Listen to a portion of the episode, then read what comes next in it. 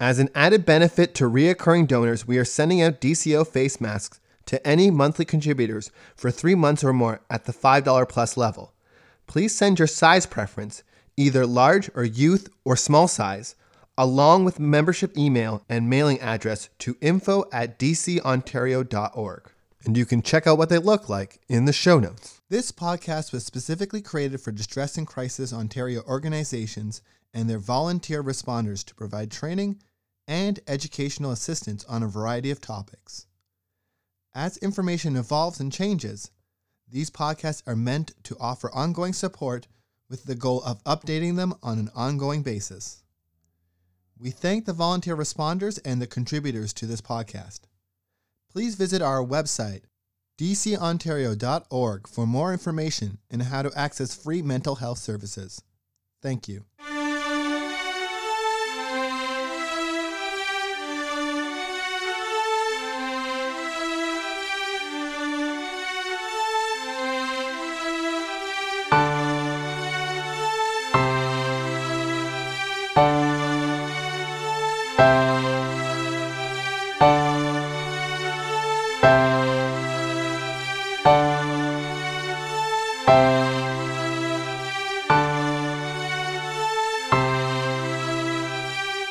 This is Caitlin Plant, Program Manager for Distress and Crisis Ontario. And today I am joined by Cindy, uh, the ONTX Coordinator for Distress and Crisis Ontario, as we explore what the ONTX program is, who can access it, and yeah, just try to give you a little bit more detail about what we do.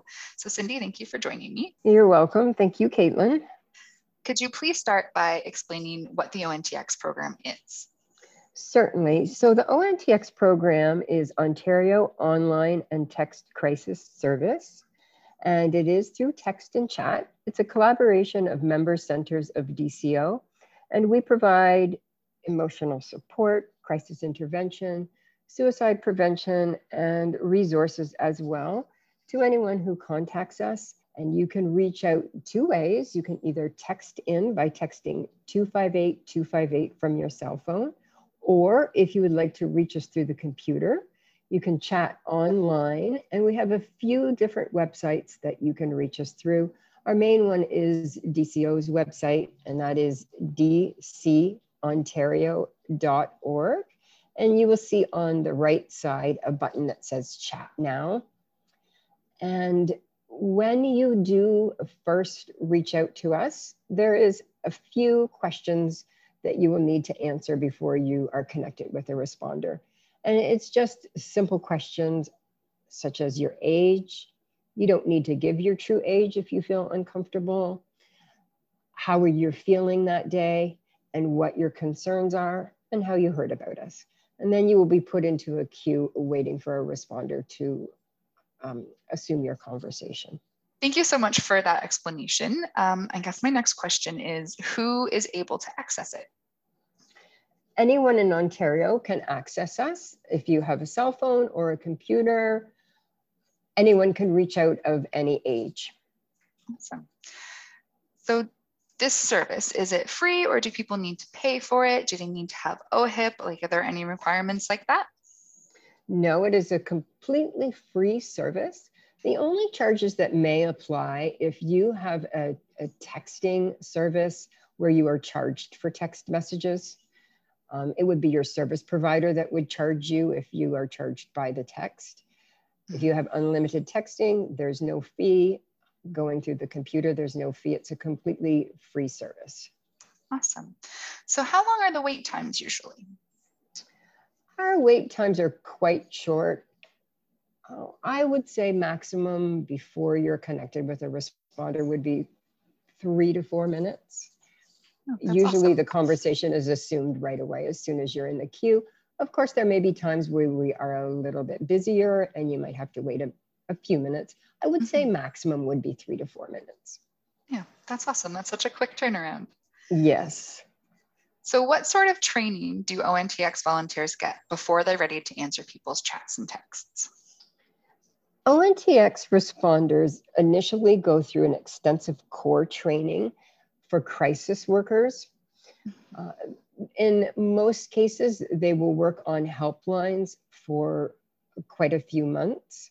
Mm-hmm. So they are taught specific things such as active listening, compassionate listening, empathy, validation, assisting in problem solving. They'll learn how to provide resources, suicide prevention, crisis intervention. And then there is a specific ONTX training program.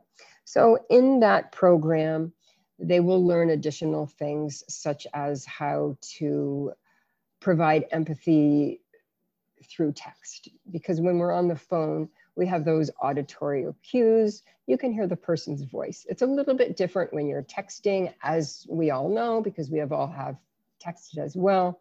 So the responder is taught how to pick up certain cues, um, how to display empathy through text, and mm-hmm. um, just a little bit about the system, how to use the actual system itself. Mm-hmm. Yeah, that's very interesting. I wouldn't have thought of trying to explain empathy in a text format. So that's, yeah, very interesting that that's included in the training. Yeah, there's a lot of uh, little things that you know you you do on a phone that you don't think of. You know, encouragers and whatnot, even when you're speaking to somebody that you don't really have there when you're texting. So they're taught how to, you know, how to include those in a text-based service. Yeah, that's really awesome. So can you tell us anything about the different struggles that people might want to talk about with an ONTX responder or why people might choose a text and chat format over talking to someone over the phone? Some, we have heard a lot that some actually prefer it. Some have said that they would have not used a helpline where they know that it is for some people. They say it's just not for me. Some of the things that I'm telling you today, I, I could have never said out loud. So I'm, you know, they're grateful that they can say it in a text message. They find it a little bit easier. They've mm-hmm. maybe never told someone what they're going through. And as we know, sometimes it is a little bit easier writing that down or, or texting it as well. Another advantage in using the text or chat service is, especially during these times during isolation, you have your privacy. So a number of people may be stuck at home with their family and they want to reach out to someone, but their family is there, so they can't really get on the phone uh, you know, and, and talk about whatever they want to talk about. If you're doing it through a texting or through chatting online, you have that privacy.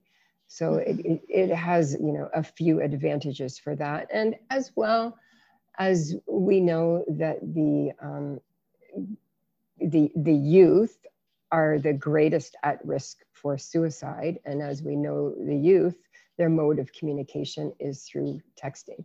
So they're a little bit more comfortable reaching out through texting rather than picking up the phone.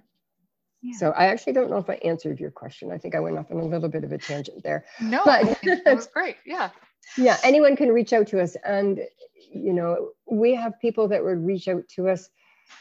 They're having a, a bad day. Um, isolation and loneliness has been one of the great issues over the past year because of the pandemic. Mm-hmm. Um, youth not knowing what they're going to do with their schooling because, you know, they're working or they're, they're having school remote. Um, you know, any various issue, we have people reaching out to us.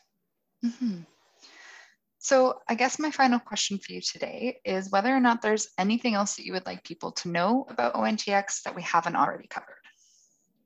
I think I would just like to let people know that there, I, I don't want anyone to think, oh, what I want to talk about is just too small, or, you know, I don't want them to hesitate to contact us thinking, oh, it's not that big of a deal. You can reach out to us to for anything. If you've had a rough day, if you're feeling lonely, if you just need someone to talk to, you don't have to have a huge crisis. You don't have to be suicidal. Anyone can reach out to us. If you need to talk, if you need support, we're there for you. Please don't hesitate to reach out. Well, thank you so much for giving us, yeah, some insights into why people should use the ONTX program. I really appreciate it. You're welcome. Thank you. So now that we've learned a little bit more about what the ONTX program is, I'm happy to say that I have Tia joining me, who is a responder for the ONTX program, uh, who has joined me today to answer a few questions. So Tia, what made you decide to become an ONTX responder? Well, first of all, mental health is kind of very close to home for me and my family. Um, we know a lot of people who have struggled, and there's a point in time where I was in a lot of trouble myself, um, and I couldn't really speak to a lot of people about what I was going through. And oddly enough, I had met a group of people through Twitter who were going through some similar things. So we kind of were virtual supports for each other because we all lived in different countries. But again, it was hard for us too because we were kind of like so codependent on each other that we could have really like used a third party, like a kind person, just to sort of talk through our stuff and just be non-judgmental in that. Mm-hmm. So when I heard about ONTX, I was like, well, this is what we needed. like, this is perfect. And at that point, I was in a good place with myself and my mental health. So I was like, you know what? I'm going to do this because, like, this reminds me of my Twitter friends, and this is what I would have wanted us to have. So, yeah, just having somebody in our corner would have been exactly what we needed. So that's why I'm here.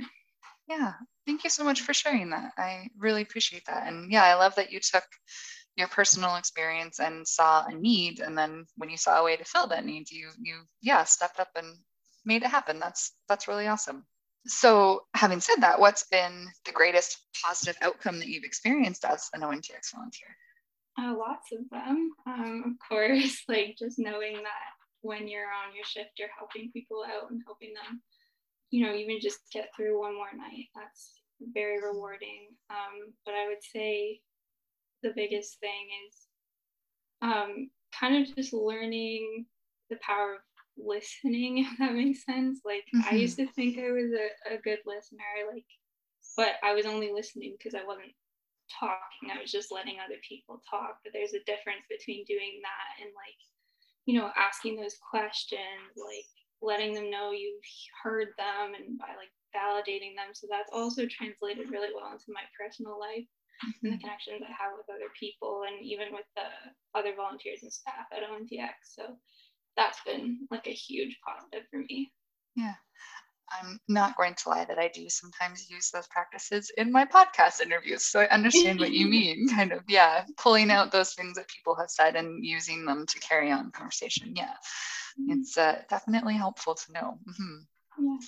So my last question for you, really quick today, um, is just whether or not you would recommend volunteering at a distress slash crisis line or for ONT. Uh, yeah, I I would say I definitely would. If you you want to connect with others and help people and just be sort of like a cheerleader for people, um, or alternatively just kind of help them sit with feelings and thoughts they're having, then I would definitely recommend it. Um, I know like some people are afraid that it will be scary and tough, but also you always have other volunteers and staff there for you too.